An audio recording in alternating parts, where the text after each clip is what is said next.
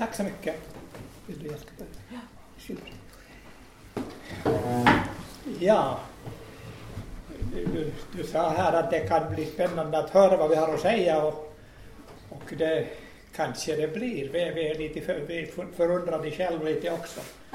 Och vi vet inte riktigt vad ni hade väntat er och vad ni har väntat men vi ska se nu vid, vid det här talan och det som vi, vi tycker att vi vill säga. Och på tal om åhörarna, det är roligt, det är roligt att vi är så pass många. Vi talade när vi for hem och, och jag sa att är det bara två så då, då har vi inte. Men Göta tyckte att är det kommer det två så då, då har vi det också. Så. Men det kom ju mera så att vi, är, vi är glada över det här tillfället. Och eh, jag, jag ska börja, vi kommer att göra så att jag håller först nu ett litet anförande här, en del av mitt anförande och så fortsätter Göta.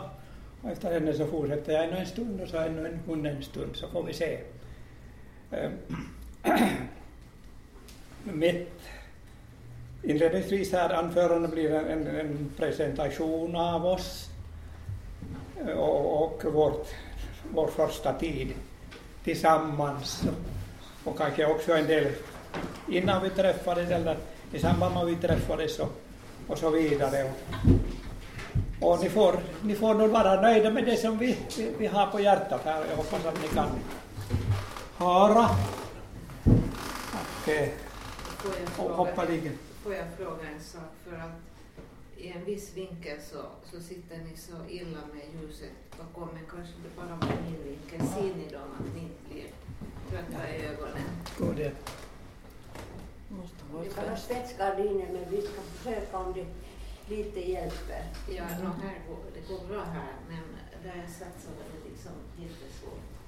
Är det svårt? Ja, det är- det det bra. går inte att peka på det. Bra, det blir bra. Är det bättre så här? No. Då ska vi börja lite från början då. Vi, vi träffades på Lärkulla, Göta och jag. Det var, jag var, eh, utbildade mig till ungdomsledare åren 56 till 58 och Göta började 57, så hon gick ett år och jag gick två. Göta kom lite senare, skolan hade börjat när Göta kom. Eh, hennes pappa hade dött och hon hade varit upptagen med det och kom någon vecka senare. Det kom mitt under måltiden. Och så råkade det bli så att hon kom och, och satte sig bredvid mig. Det var någon som ordnade en plats åt henne för där satt också hennes väninna och barndomskamrat vid samma bord så det var ju inte för min skull hon kom men hon, hon satte sig i alla fall bredvid mig. Och så satt vi hela vintern där bredvid varandra och så har vi suttit hela livet bredvid varandra och promenerat med varandra och så vidare och så vidare. Vi började sällskapa på våren 58, vi förlovade oss i juli 59 och gifte oss i september, 10 september 1960. Så häromdagen var det 53 år sedan vi, vi gifte oss. Och eh, vi vigdes två gånger. För under, när vi gifte oss så hörde Göta ännu till civilregistret och därför så måste vi vara i rådhuset i Borgå. också. Göta är från Borgå, ifrån Hålax, jag är barnfödd i Nykarleby. Och vi, vi vigdes i, i, i rådhuset i Borgå av en vikarierande domherre. Och äh, han blev faktiskt anställd av Borgå stiftstjänare, samma man. Och när vi då gjorde upp om, om eh, det här vigseln så, så sa jag åt honom att vi, vi sätter inga ringar nu i det här tillfället för vi skulle vigas senare under dagen. Så sa han, om vi hoppar över det, så sa han. Vi behövde två vittnen. Vi hade, jag hade väntat att mina släktingar från Österbotten som skulle komma skulle hinna till den här vigseln klockan 12 men de blev upptagna av Helsingfors och, och så när vi skulle börja vigas så hade vi inga vittnen så gick vi på gatan i Borgå och så råkade vi träffa Götas farbror närmaste granne och en annan granne som vi tog in dit som blev från vittnen. Nåväl, det, vi fick ett intyg på att vi var gifta men vi, vi vigdes sen klockan sex på kvällen och då var vigselförrättaren Mikael Sandell som jag förstår att en del av er kände. Han var då den tiden präst i Missionskyrkan i Helsingfors och vi gick ofta dit. Jag jobbade i Helsingfors som ungdomsledare och Göta var, var barnsköterska vid den tiden. Eh, vi vigdes i Vålax bönehus i Vålax skärgård därifrån Götahem. I Vålax bönehus är ett pingstbönehus. Och jag minns nu när vi tågade in där och stod där framför för prästen och så sjöng vi den här sången som i segertoner börjar Jag vill hava Jesus med mig, ensam vågar jag gå. Och det här fick bli, något, bli något, ett motto, inte bara för den dagen utan för, för livet. Jag kommer inte så mycket ihåg vad Mikael Sandell sa, men jag kommer ihåg hans text som ju var, och det gör också Göta, det var lite kanske ovanlig. Men det var, det var bra text. Det var Johannes 1930, det är fullbordat. Det var texten när vi gifte oss. Jag fick sen tjänst genast efter det här, här uppe i Österbotten som juniorsekreterare vid Persöre prosteri, så vi flyttade upp hit och bodde faktiskt i Karleby på Kyrkbacken i två år. Hyrde av, av prosten och sedermera kyrkoherden Paul Krokfors. Det var hans barndomshem som vi bodde i i två år och där föddes då vårt första barn Pamela. Vi flyttade sen till Jakobstad och bodde på Persesplanaden 11 ett år. Där föddes vårt andra barn Andreas. Och sedan flyttade vi till Alonsgatan 44, det hus som, som kallades för Masken. Och det kallas det fortfarande, det står kvar ännu. Men fast man har funderat att man skulle riva det, det är ett gammalt, ett långt, långt, långt hus.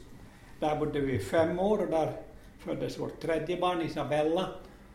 Och så fick vi då 1969 ett eget hus i Larsmo, vilket vi var mycket glada över.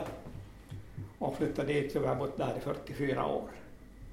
Och i Larsmo så föddes på 70-talet vårt fjärde barn Johannes och på 80-talet vårt femte barn Rebecka. Och när vi fick Rebecka så tyckte vi att nu får det, nu får det räcka. Men eh, jag sa åt Anton en gång när vi hade fått vårt femte barn att ska man bo i Larsmo så måste man nog åtminstone ha fem barn. Nåväl, det var liksom inledningsorden och en liten presentation av oss.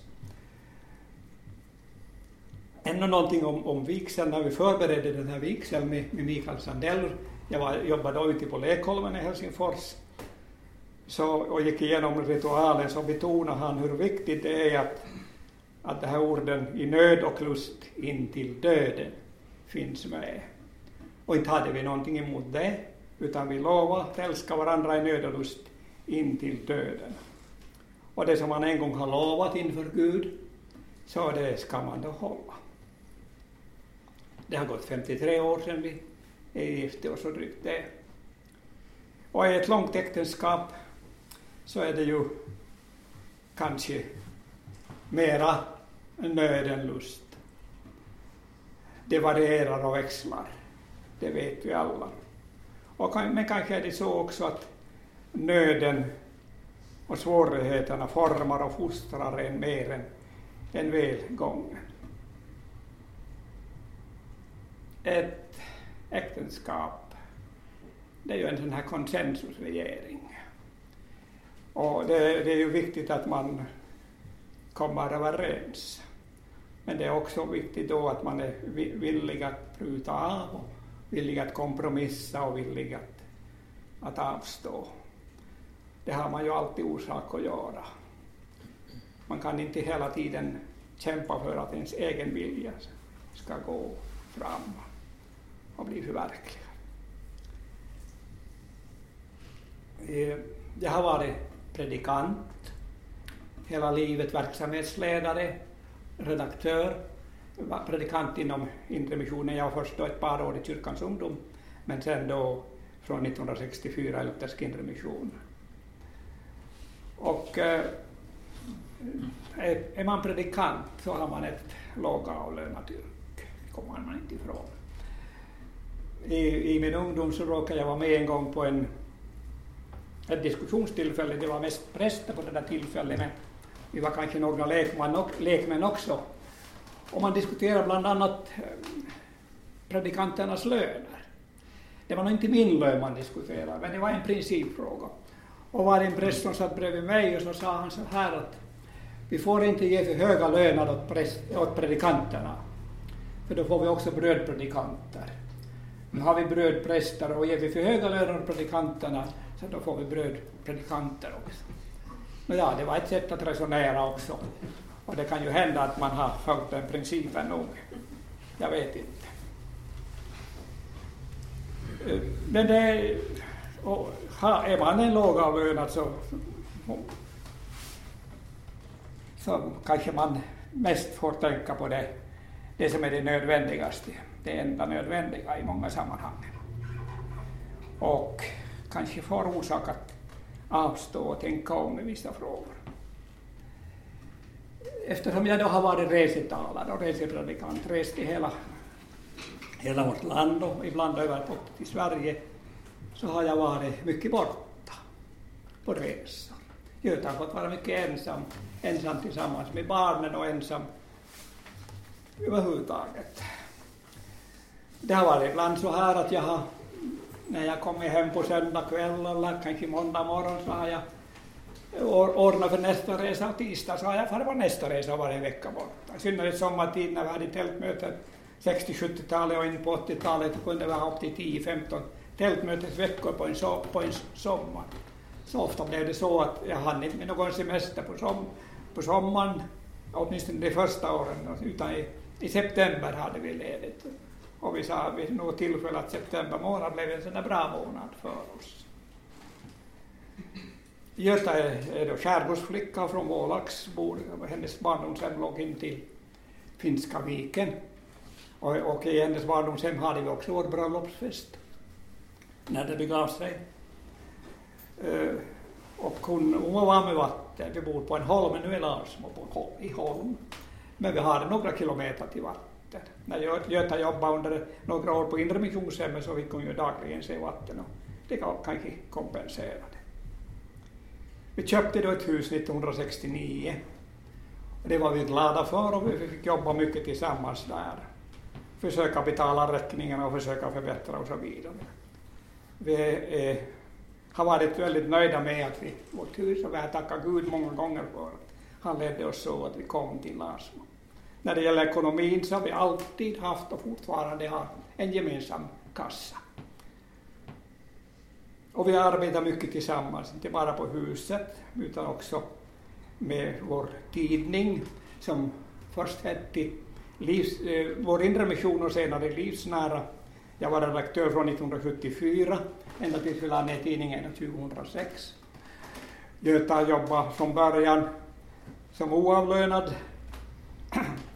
redaktionssekreterare kan man säga, men blev då anställd och fick lite lön från den tid när jag gick i pension, gick i förtidspension i början av 90-talet och jag blev då anställd också för tidningen. Och, och, när vi jobbade med tidningen så hade vi det väldigt bra tillsammans och det var mycket bra att få göra det. Göta gjorde naturligtvis det, det mesta på tidningen när det gällde layouten och så vidare. Jag, jag skrev artiklar, gjorde intervjuer, det gjorde också Göta det praktiska arbetet som vi har gjort på huset har inte alltid varit så, så, så trevligt. Inte.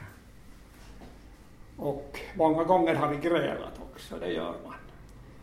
Jag vet, det var en, det var en präst, eller han var en frikyrkopräst nog, jag behöver inte nämna någon namn, men han sa han och hans fru har aldrig grälat. Jag vet nog inte om han nu talar sant det där, men, men jag brukar säga att de fick heller aldrig något barn med två. Om det nu hade något samband, det, det vet jag inte.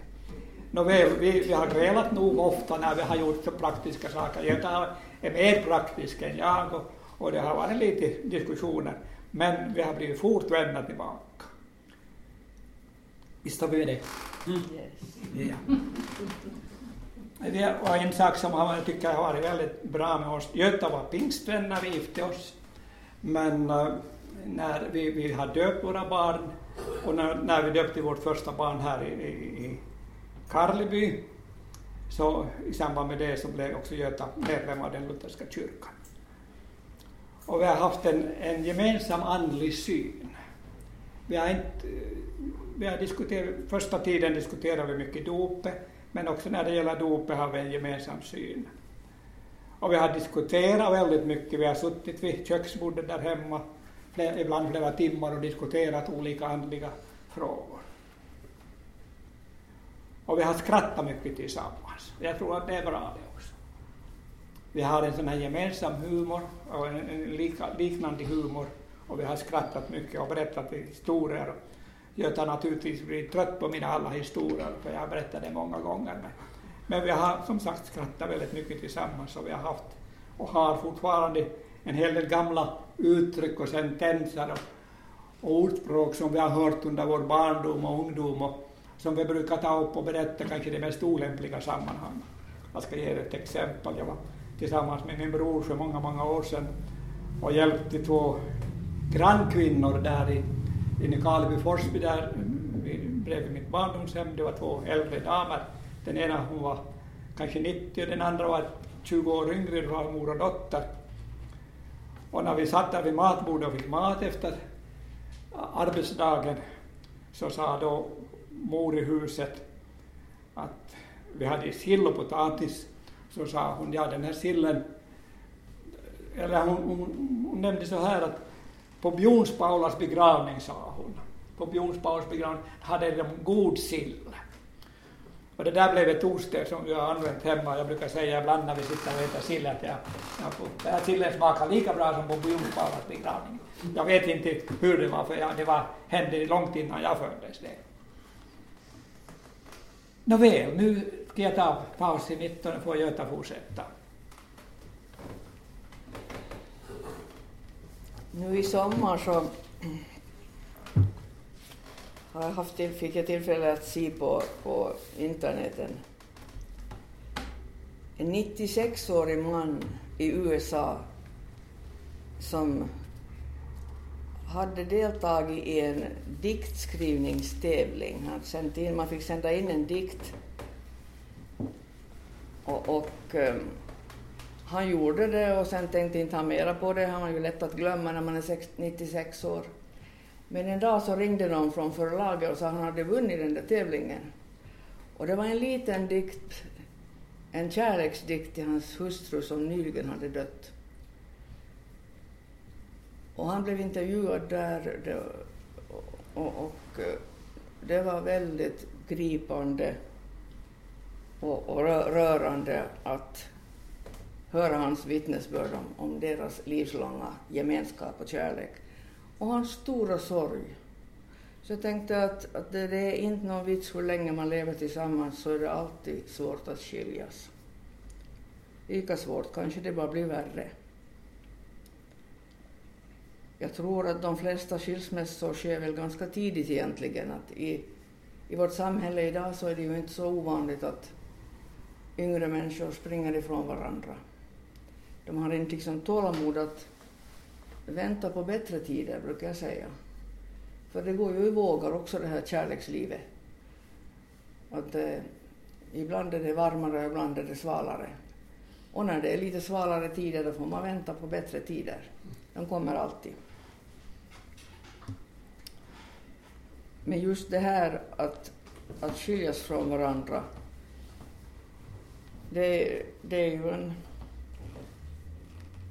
en sån här hemlig skräck som man har inom sig.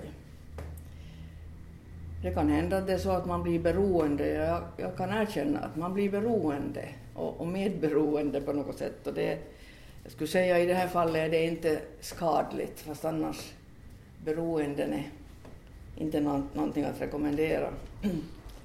Men i, när man är beroende av varandra i ett äktenskap så, så är det närmast en rikedom. Det här med, med skilsmässor det är ju för det mesta tragiskt. Det är många gånger som sagt förhastat och onödigt men ibland är det tyvärr också nödvändigt säkert. Men det är sen ett tråkigare kapitel och det ska vi inte ge tid idag.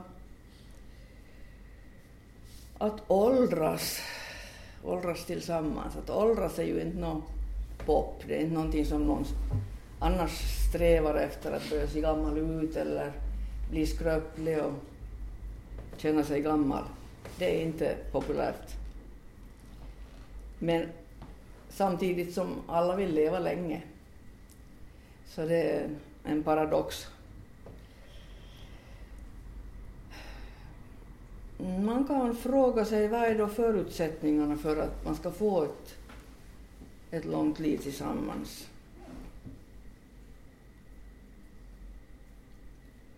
Ett äktenskap som håller. Jag tror och vi tror att det handlar om vår inställning från början. Vi behöver, vi gör liksom ett beslut, som Bertil just nämnde också, att och som, man, som kommer fram i det här vigselritualen, att vi ska leva tillsammans så länge vi får.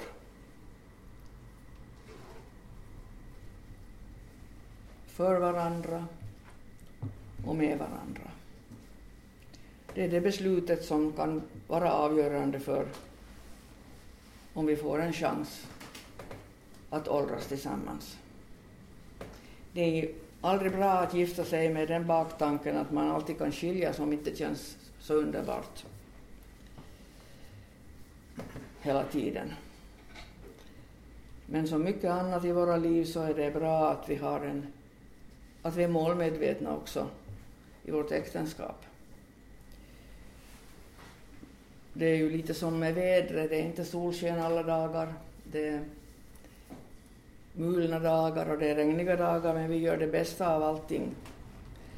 Människolivet är brokigt, som en trasmatta ungefär, med många färger. Det är rosa ibland och så är det grått ibland. I ett äktenskap så har man det just så bra som man har det med sig själv. Är man onöjd med sig själv så är man antagligen onöjd i äktenskapet också. Så det är viktigt att lära känna sig själv i första hand, så klarar man bättre att lära känna sin partner. När det gäller den saken så har ju ett Guds barn ett, försprång. Vi har fått lära oss känna oss själva i Guds ords ljus. Vi vet att vi är oförbätterliga syndare i oss själva. Men vi vet också att vi får leva av Guds ofattbara nåd. Och där har vi modellen också för äktenskapet. Vi vill ju så gärna och längtar efter att visa kärlek i allt, men vi misslyckas och är beroende av varandras förlåtelse. Vår erfarenhet är den att från början så fanns det ett stort behov av att uttala önskan om förlåtelse för att man skulle kunna tro att det var bra oss emellan. Men med åren tycker jag att nåden blir större och större och man kan lita på nåden också i förhållandet. Man hakar inte upp sig på små saker på samma sätt som när man var yngre. Man får med andra ord leva i förlåtelsen i likhet med barnaskapsförhållandet. Jag minns hur en gammal man i en landsortsförsamling för cirka 50 år sedan sa en gång efter ett möte att jag har varit kristen hela mitt liv men jag har ingenting att visa fram. Det är bara nåden. Det är Guds nåd är det enda jag har. I mina unga öron då så tyckte jag att, att nu lät det lite misslyckat. Men senare så har jag förstått att det är det enda bestående rikedom som finns. Den som han levde på. Och nu får jag vittna om att jag lever precis på samma nåd, både inför Gud och inför Bertel. Helt beroende av kärlek och nåd. Då kan man också åldras tillsammans och få uppleva hur gott det kan vara. Så det är roligt. Varje morgon lika roligt att börja en ny dag. Man får välja om man vill låta olikheterna bli en belastning eller om man låter dem bli en tillgång. Vi är ju olika, vi människor, och vi är olika varandra. En belastning eller en tillgång. Om du kräver att din partner ska tycka lika som du hela tiden, då har du ett tungt liv och ett ointressant liv. Med full frihet till utbyte av tankar så blir partnerns åsikter som kryddor i en maträtt. Och i den maträtten är det kärleken som är saltet. Kärleken är själva livets salt. Det är en sentens med stor sanning i. Eftersom vi är rätt så pratsamma i, i vårt hus så har vi förstås också grälat förr mest. Mest har det då handlat om småsaker, bagateller som man rättar upp sig på. I stora saker har vi haft samma tankar ungefär och gemenskap. Gemenskap i andliga frågor, som sagt här, och eh, en gemensam syn när det gäller ekonomiska saker. Eh, ett, ett bibelord som levde upp för mig den första tiden vi var gifta, det är det här som står i Första Timoteus 6 och 6. Guds fruktan i förening med förnöjsamhet är verkligen en stor vinning. Och det kan jag vittna om att det är sant. Jag tror att idag i vårt samhälle så är det rätt så vanligt bland unga par att man tjafsar om rättvis fördelning i, av uppgifter i hemmet. Det har, ju, det har ju vi sluppit, vi som är gamla idag. Vi har helt enkelt gjort det som vi är bäst på. Som Kalle Pettersson sjunger om gumman som stod och högg ved på vedbacken när prästen kom förbi. Jag vet inte om ni har hört den där på radion den är så bra.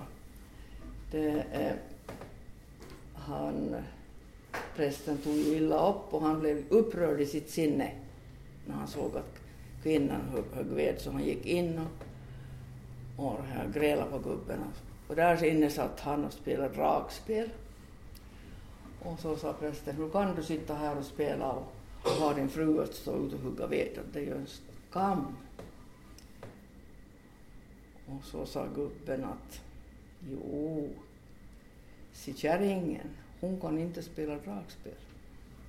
Men hon är så ruskigt bra på att hugga ved.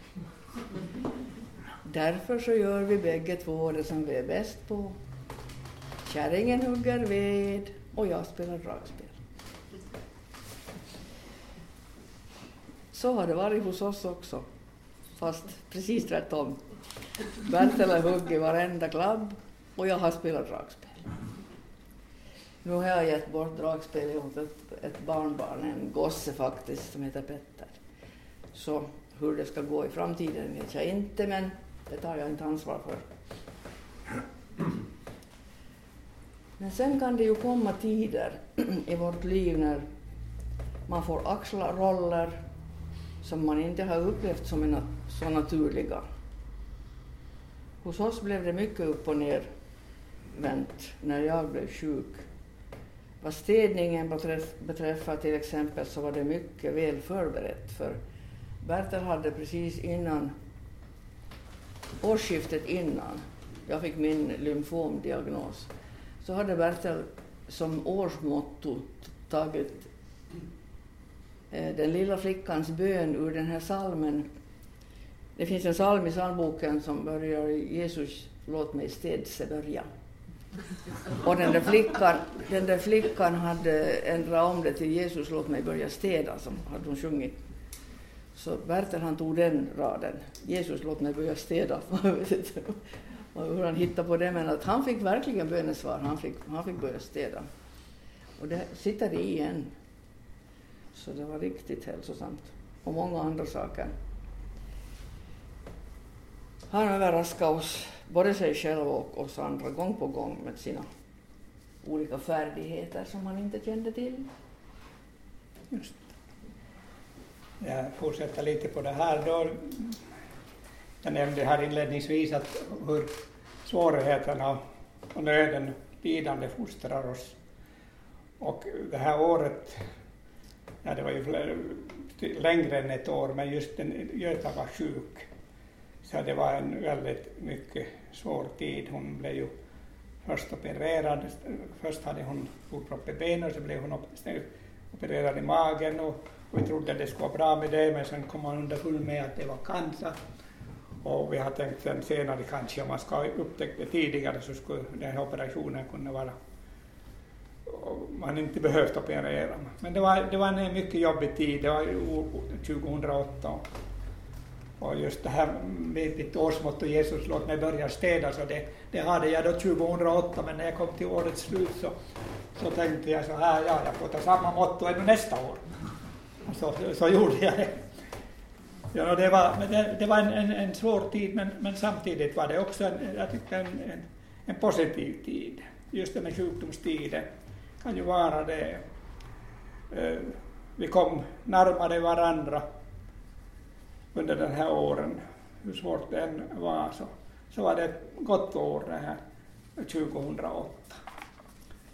Och just därför också att sen Göta blev ju mer eller mindre friskförklarad från cancern senare så det har ju varit underbart. Det. Vi har upplevt Guds omsorg och ledning under vårt liv.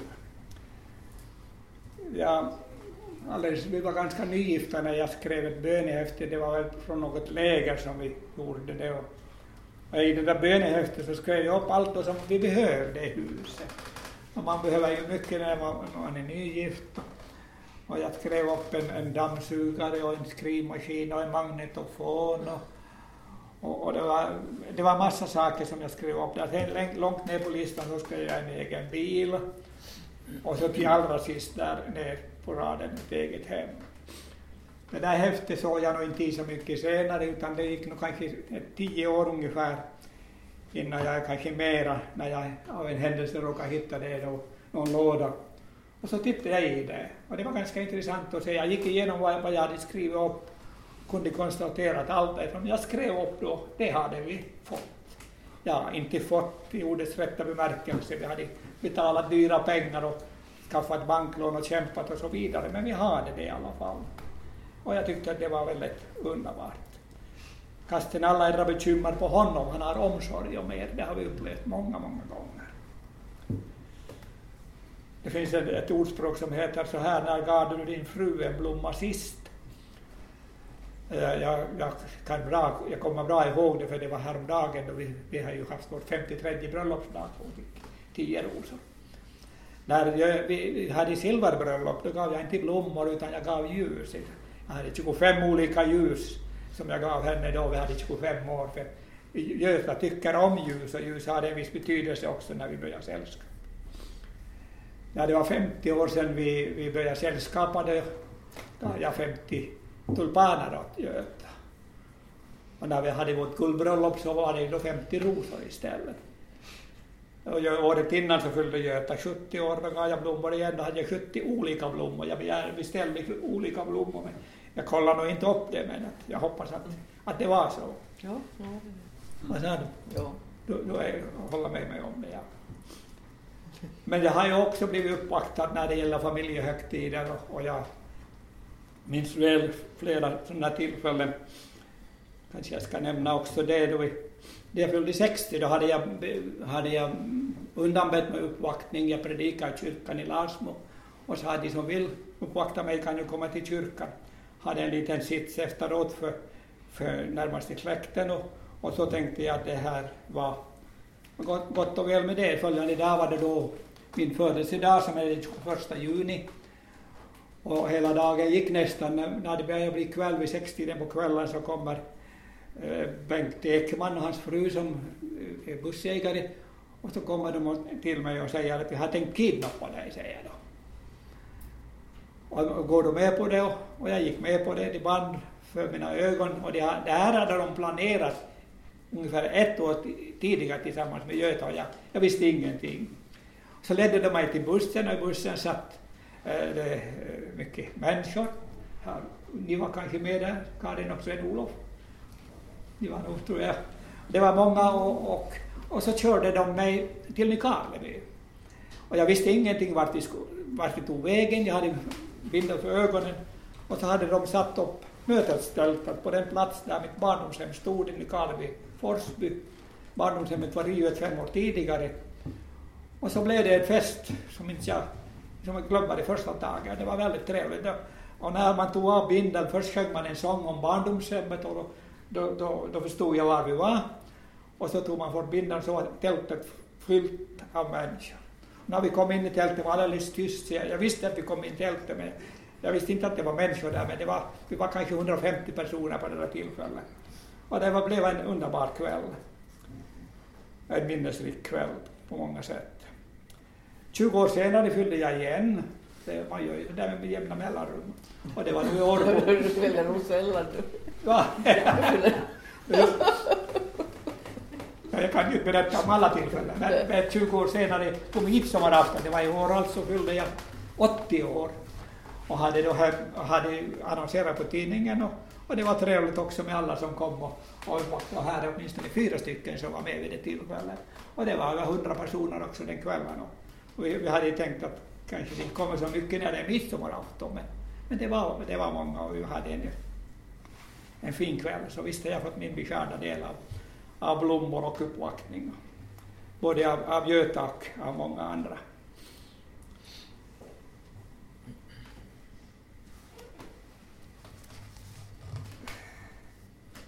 Om jag säger ändå några slutord från min del här så kan jag säga så här att kärleken är inte längre de här stormande känslorna som det var kanske i den första tiden. Men det är en sån här djup, underbar vänskap.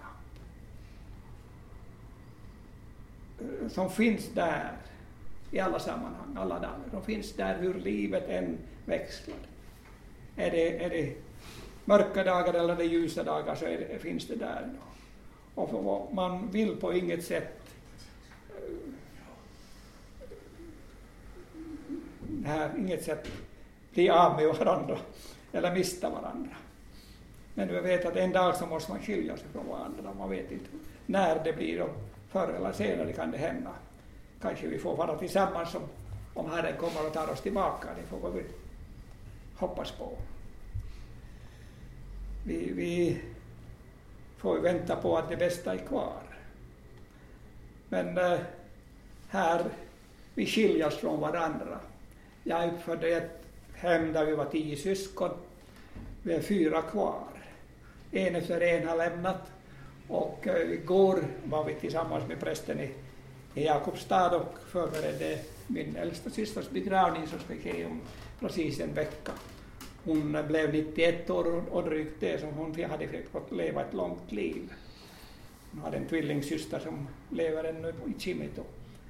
Men så här är det. Men samtidigt så får vi också barnbarn. Vi har fem egna barn, men vi har sju barnbarn och det är underbart att ibland träffa dem. Tyvärr så bor de lite långt ifrån.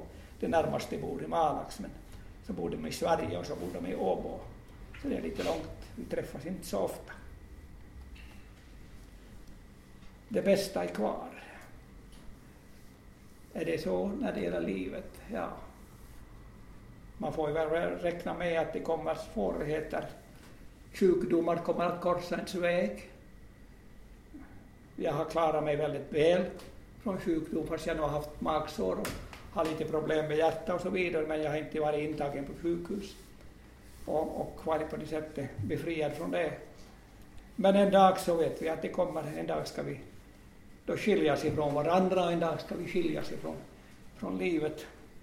Men det bästa är kvar ändå. Vi står där vid himlaporten och tågar in i en annan och en bättre värld, någonting som inte ett öga har sett eller inte ett öra har hört eftersom Gud har berättat dem som älskar honom.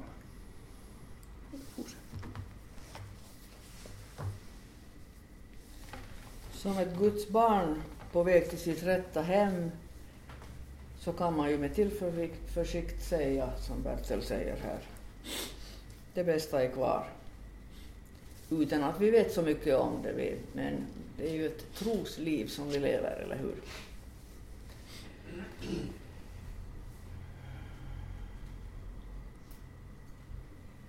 Då när jag var sjuk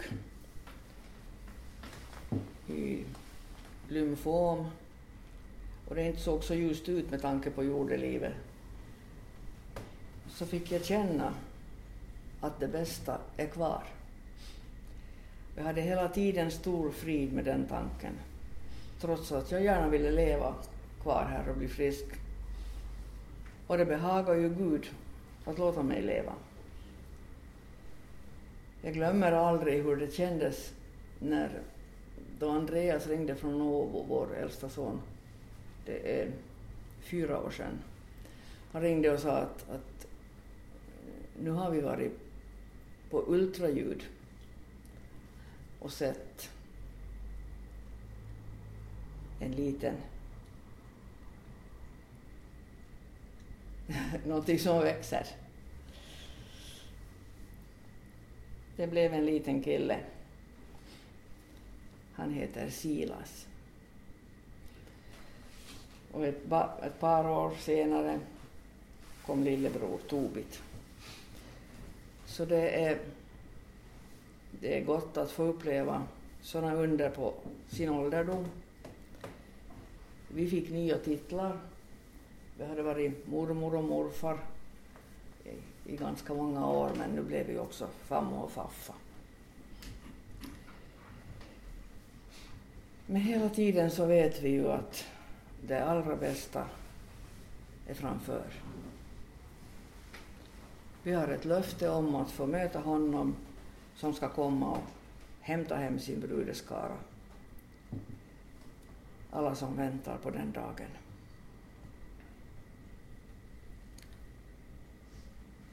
Vi får uppleva att den som är nära, den drar han ännu närmare tills vi är närmast honom i det eviga hemmet. Så det bästa är ännu kvar.